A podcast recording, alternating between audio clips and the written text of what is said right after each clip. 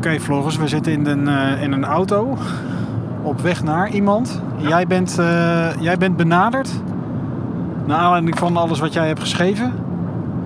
Ja, ehm, nou ja, naar aanleiding van die publicatie eh, kwamen natuurlijk wel behoorlijk wat reacties. En een daarvan was een man die zich meldde dat hij meer wist over Walter Heinrich. Want, nou, dan gaan we eens even luisteren naar zijn verhaal. Maar hij is de zoon van eh, een van de vriendinnen van eh, Walter Heinrich, die Walter Heinrich erop nahield.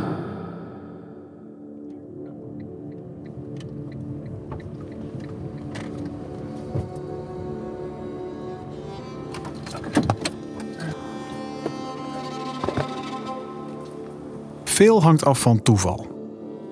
In aflevering 4 hoorden we al hoe dokter Efraim Tsurov een Litouwse natie bijna te pakken heeft. 80 jaar na dato. Dankzij stom toeval.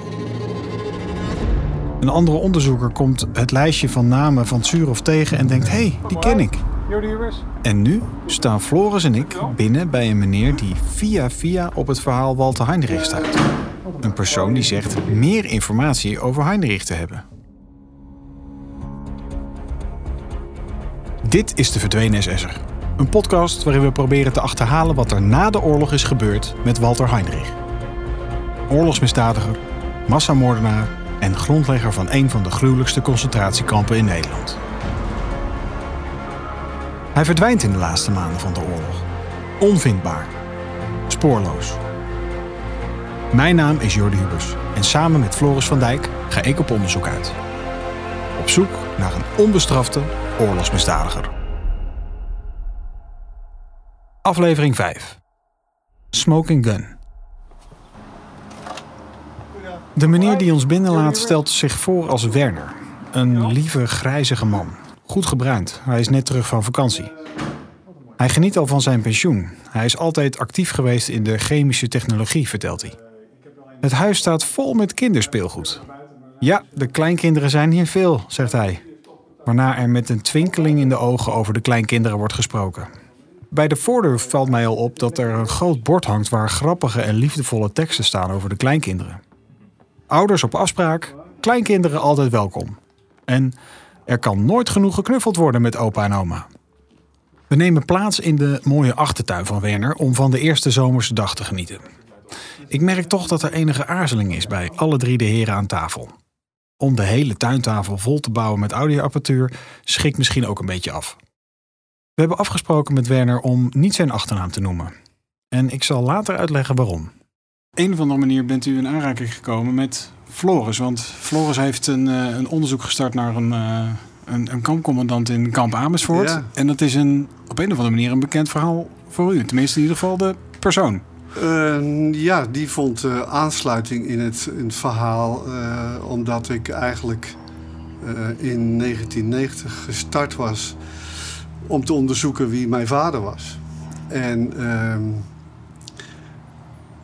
en ik daar vaag eh, wel herinneringen aan had, maar dat niet helemaal duidelijk kon krijgen. En toen is eigenlijk de zoektocht gestart bij Spoorloos, maar ik wilde niet op de tv en zo. Dus ik heb het eh, na een kwart onderzoeken zelf overgenomen. Oké. En zo kreeg ik stukjes bij beetjes het, het verhaal eh, boven water. Wat er was gebeurd. Nou ja, in ieder geval, ik eh, bleek een Duitse vader te hebben. En dat zegt mijn naam ook al. En eh, ik ben nooit te weten gekomen wie dat eh, uiteindelijk is geweest of wie dat was. Totdat ik op enig moment ergens waarnam dat mijn vader dus een zuster had. Ursula. En Ursula die heb ik gewoon gebeld. En gezegd van eh, wie ik was en of zij daar bekend mee was. En toen zei, heeft ze me uitgenodigd naar haar appartement eh, in eh, Berlijn. Dus ik ben bij haar thuis geweest en ik heb mijn verhaal verteld. En toen zegt ze van, nou ja, ik ken je moeder heel goed. Oké. Dus dat was heel verrassend. Ja. En dus ik heb haar gevraagd van, eh, ja, hoe is dat dan gelopen en hoe, hoe komt het dat je mijn moeder eh, zo goed kent? En toen zei ze van, nou ja, ehm, je moeder die heeft uh, verkering gehad met een Walter. In dit geval bleek dat Walter Heinrich te zijn. En vooruitlopend dat zij Nederland bevrijd zou worden. Zo'n beetje in, in, in net voor die tijd. Ehm, zij, is zij vooruitgereisd naar zijn familie van Walter. Dat was de bedoeling. Dus dat, dat is haar verhaal. En um, ze had dus alle officiële documenten die je normaal niet kan krijgen, die had zij. Dat is, is ongelooflijk dat je dus iemand van bezet gebied gewoon dwars door Duitsland kan reizen met de trein.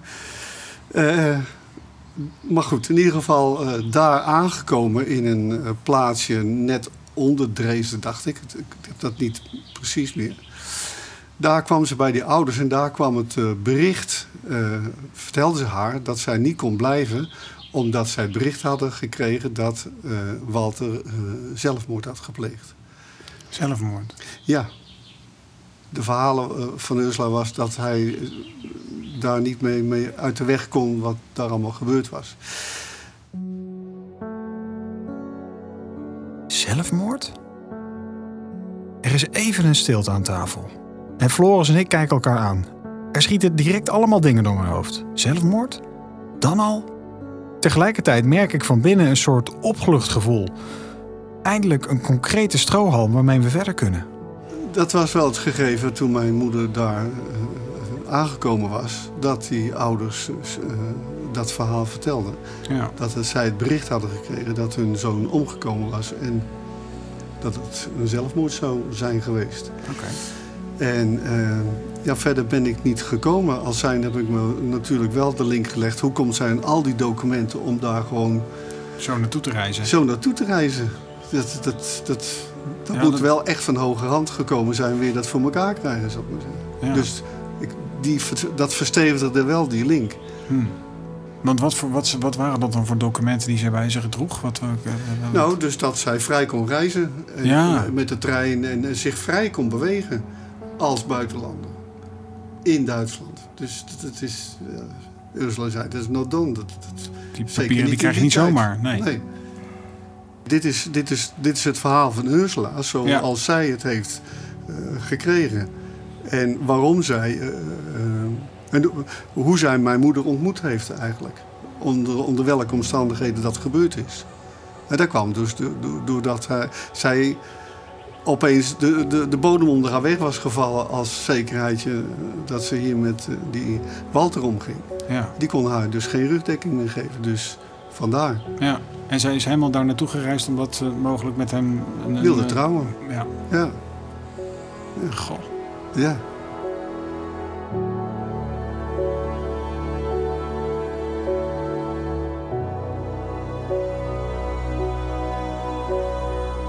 Van de zus van zijn vader krijgt Werner nog veel informatie over zijn moeder. Foto's, brieven. Het levert Werner een beeld op. Een blik in het verleden die altijd een black box was voor hem. De ouders van Walter Heinrich hebben voor zijn moeder een plek in een nabijgelegen ziekenhuis geregeld, zodat ze daar kon werken.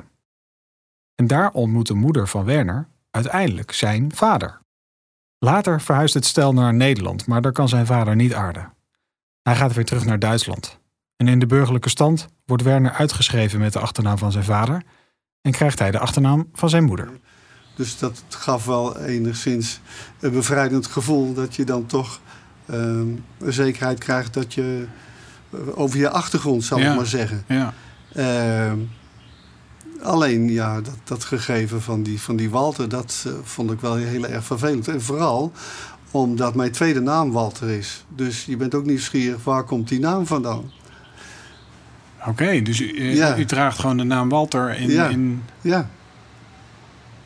Oké. Okay. Dus daar, zal, dan toch inderdaad wel een enorme liefdesverhouding geweest zijn. Dat, uh... dat moet trouwens wel, want anders, uh, waarom uh, noem je dat? Dus, en de eerste en de laatste naam is wel echt van mijn vader. En die is ook van mijn grootvader.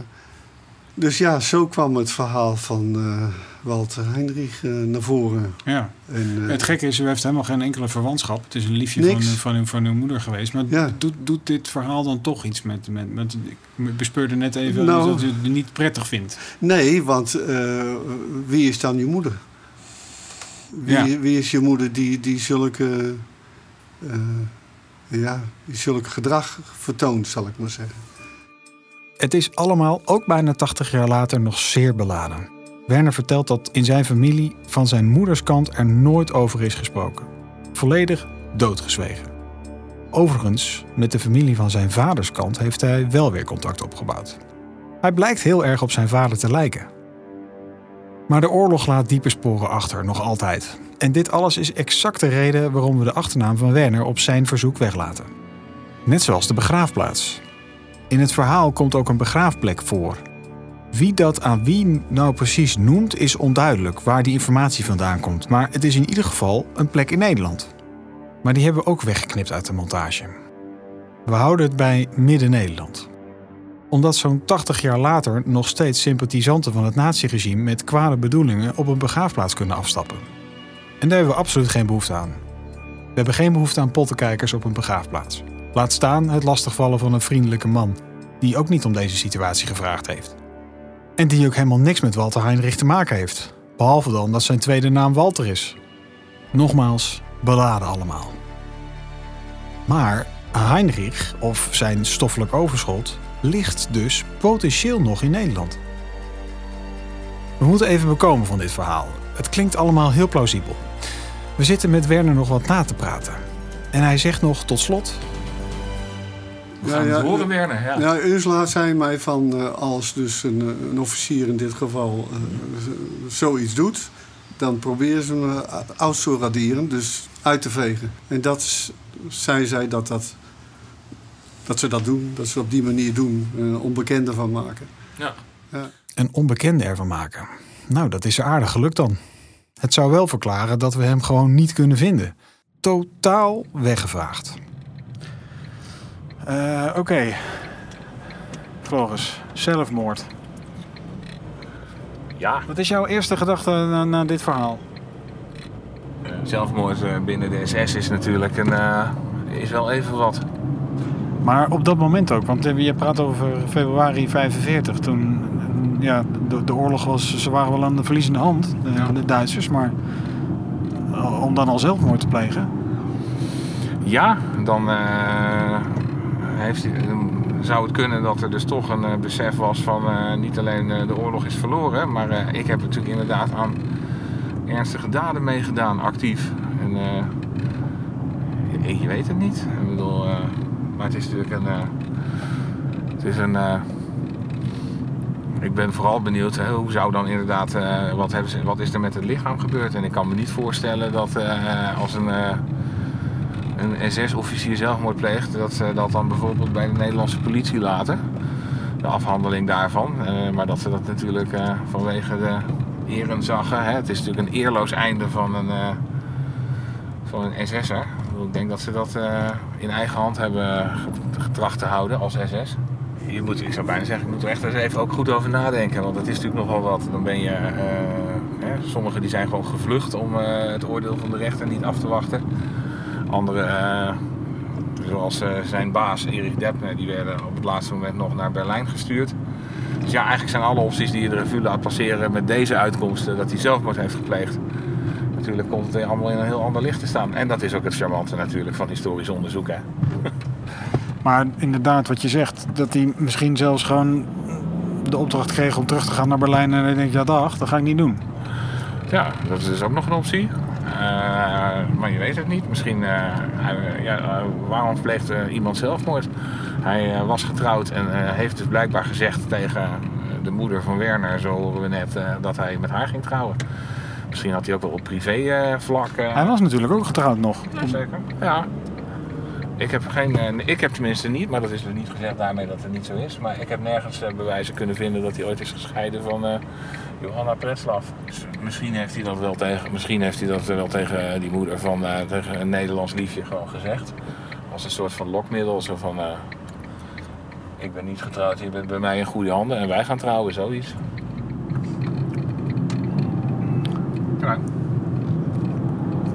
Ik zit nu net even te zoeken, maar die, die begraafplaats die kom ik niet tegen. Die, die, die we net hoorden. Hoe bedoel je, kom je niet tegen? Nou, ik zit te googlen op, op, op, de, op die begraafplaats, maar ik, ik kom... Die begraafplaats, die bestaat niet.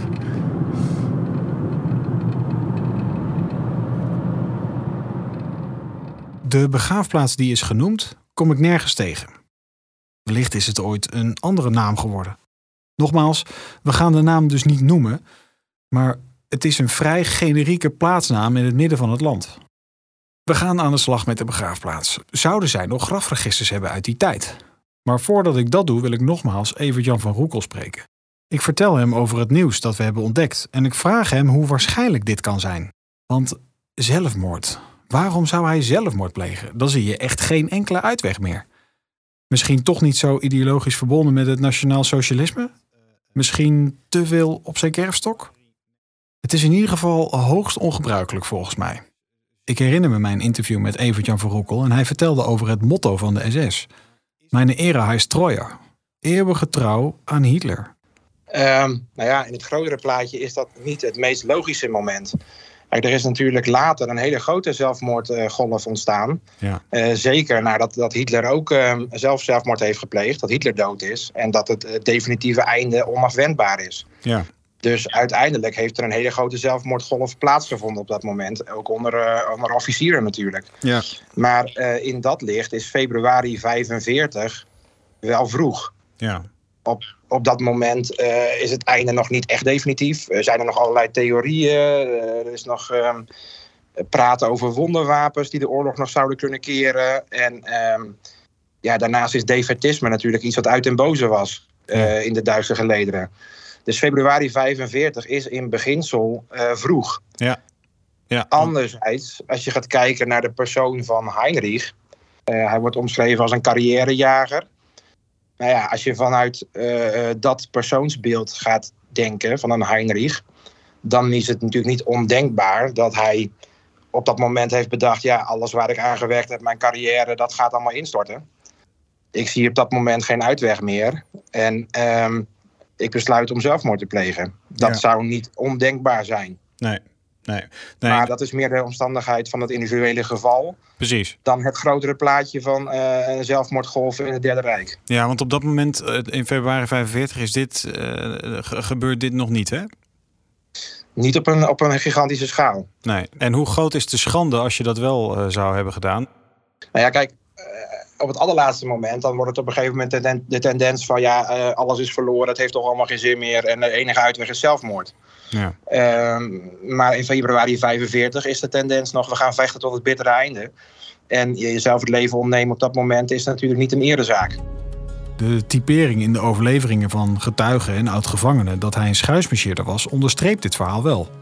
Hij was dus nog gewoon getrouwd, maar heeft een meisje uit de provincie Utrecht dus beloofd om te trouwen na de oorlog. We snappen één ding niet. Hoe een meisje uit het midden van Nederland een hooggeplaatste SS'er ontmoet die gestationeerd is in Den Haag. Tenminste, dat denken we. Alsmede de potentiële begraafplaats in dezelfde omgeving. We zoeken naar locaties van het SS-hoofdkwartier en zien dat in het najaar van 1944, als de geallieerden al Zuid-Nederland hebben bevrijd, de staf van de beveelshaber der Sicherheidspolizei, waar Heinrich onderdeel van uitmaakt, naar Zeist verhuist. Midden-Nederland dus. Ja, goedemiddag. Ik spreek met, uh, We gaan op zoek naar de begraafplaats en proberen meerdere begraafplekken rond de plaats die genoemd is.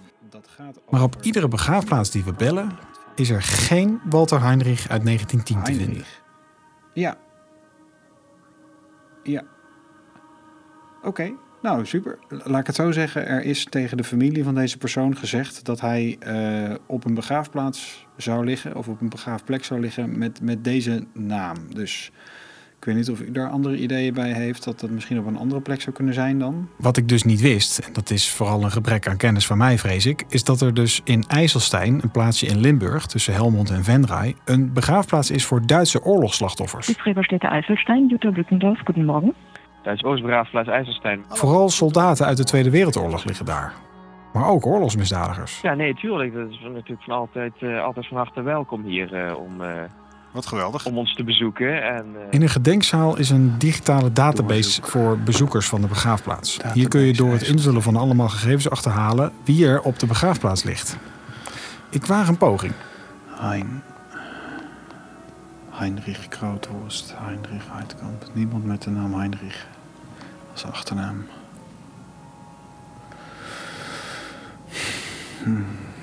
Ja, ik ben eh Sjoerd Ewals en ik ben hier eh, als leidinggevende werkzaam op de Duitse oorlogsbegraafplaats in IJsselstein. En, en wat, wat houdt de Duitse oorlogbegraafplaats precies in? Wat, wat is dit voor een plek? Ehm, dit is de enige Duitse oorlogsbegraafplaats in, eh, in heel Nederland. Hier liggen eigenlijk zo goed als alle Duitse eh, soldaten en alles wat voor het Duitse leger heeft gediend eh, in Nederland daar gesneuveld zijn, ligt hier begraven. Dit is eigenlijk ook een verzamelbegraafplaats. In eerste instantie tijdelijk aangelegd, maar uiteindelijk hier gebleven. Ehm, ze hebben hier alle eh, Duitse soldaten, ook die op andere veldgraven, op andere tijdelijke begraafplaatsen of, of Duitse erevelden lagen. Ook op Nederlandse begraafplaatsen hebben ze allemaal eh, eh, hier eerst opgegraven en hier naartoe gebracht. En dat heeft het Nederlandse leger gedaan. Die mensen geïdentificeerd en, en, en toen weer hier begraven. Dus ja, grote kans wel dat dat bij, bij deze man ook is gebeurd. Ja, nou kan ik hem dus hier niet vinden, helaas voor ons. Maar jij zegt dus, in, in, in de nasleep van de oorlog zijn heel veel mensen eh, her en der begraven. En uiteindelijk zijn alle Duitsers dan hier naartoe gebracht. Dat zijn er dus in totaal bijna 32.000, hè, als ik me niet vergis. Ja, dat klopt helemaal. Er liggen ook nog enkele van de Eerste Wereldoorlog, maar het overgrote gedeelte is inderdaad de Tweede Wereldoorlog. Ja. En die, eh, ja, die mensen zijn inderdaad eigenlijk bijna allemaal hier naartoe gekomen. Alleen eh, niet iedereen is geïdentificeerd of niet iedereen eh, heeft een naam. En het is ook wel gebeurd dat mensen die met naam begraven zijn, uiteindelijk eh, ja, ook een beetje in, de- in de chaos na de oorlog de, hier zonder naam zijn begraven. Oké, chaos na de oorlog, mensen zonder identificatie begraven, mensen in verkeerde graven, dat zal allemaal wel. Maar iemand als Walter Heinrich, die moet gewoon bekend zijn. Dat kan gewoon niet anders. Nou ja, alles kan, maar dat is toch wel onwaarschijnlijk. Ondertussen is Floris bezig met onderzoek te doen naar begraafplaatsen in de buurt. En dan heeft hij een ingeving. De begraafplaatsnaam is niet alleen de naam van een middelgrote plaats in Nederland. Het is ook de naam van een openbare begraafplaats in een grote stad in Nederland. En dus gaan we langs. Nou ja, we zijn dus op zoek. Het zou dus mogelijk kunnen zijn dat hij hier zou, eh, zou liggen. En ehm, ja, even de vraag of het zou, überhaupt zou kunnen. En of we misschien eventjes ergens zouden kunnen spieken in oude stoffige archieven. Waar, waar kunnen we dat het beste even doen? Eh, ik denk daar in die ruimte. Ja? Dit is Simone. Zij werkt op deze begraafplaats. Na een gesprek over hoe oud deze begraafplaats is en of onze vraag over een oorlogsgraf haar vaker wordt gesteld, antwoord is ja trouwens, stel ik de handvraag maar gewoon direct. Ja, hebben jullie hier toevallig nog registers dat wij zouden kunnen, kunnen kijken misschien of, of wij de naam Heinrich voorbij zien komen uit die periode? Want hij is dus eh eh, ja, verschollen eh seit februari eh, 45.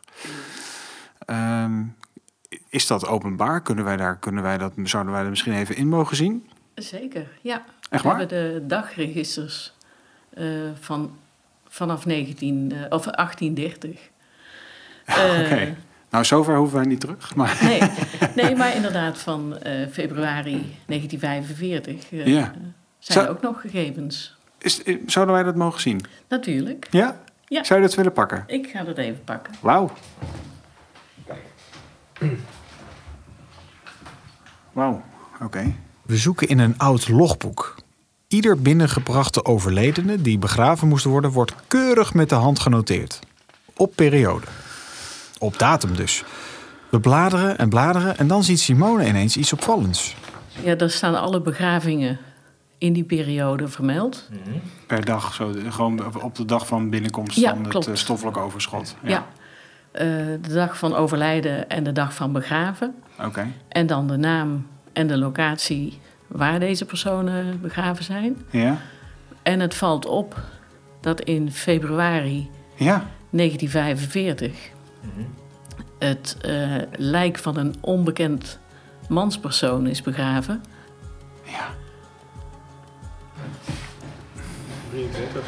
23 februari 45. Lijk onbekend. Onbekend manspersoon, Onbekend manspersoon. ja. En hier de locatie inderdaad van het graf dan. Ja, klopt. Oké. En Prodeo, dus dat wil zeggen dat er niks is betaald.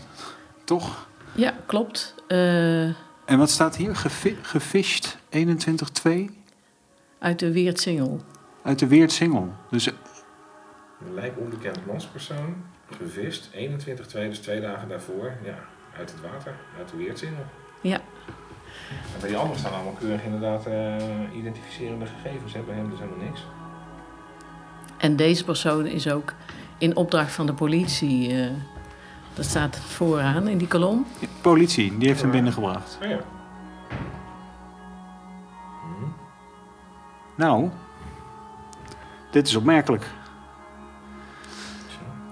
Ja, en er zijn ook wel eh, onbekende oorlogsslachtoffers eh, opgenomen in, het, in de dagregisters. Maar dan is het een vermelding eh, onbekend, onbekende soldaat. Oh ja, ja, ja, ja, ja. ja. Dus deze vermelding is eh, op zichzelf wel wat opmerkelijk.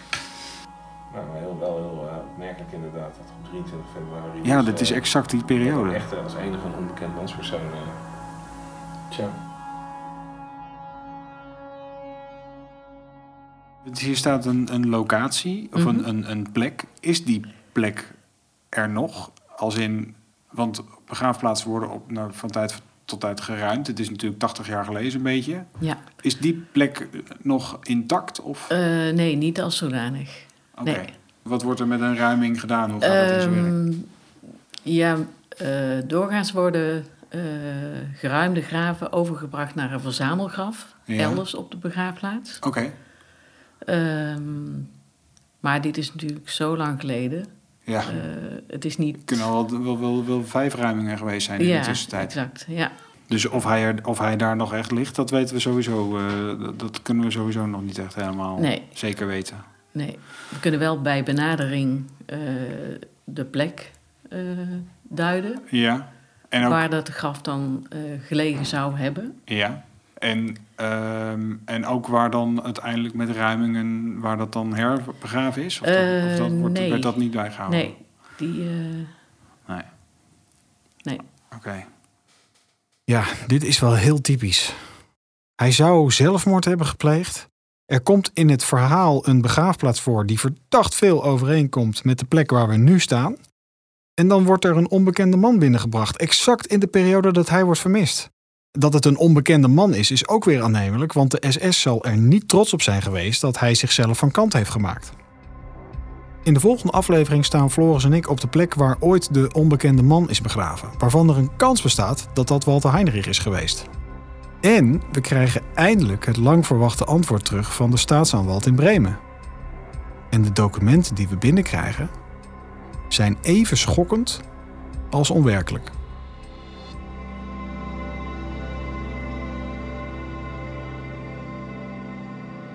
Dit was de vijfde aflevering van de podcast De Verdwenen SS'er. Een zoektocht naar de mysterieus verdwenen kampcommandant Walter Heinrich van kamp Amersfoort. Wil jij direct weten wanneer de volgende aflevering klaar is? Abonneer je dan op deze podcastserie. Of laat een like achter. Dat maakt de podcast weer beter vindbaar voor andere luisteraars. Deze podcast wordt geproduceerd door IO voor Nationaal Monument Kamp Amersfoort. Wil jij meer weten over Kamp Amersfoort of Walter Heinrich? Bezoek dan het nieuwe ondergrondse museum over het voormalige concentratiekamp.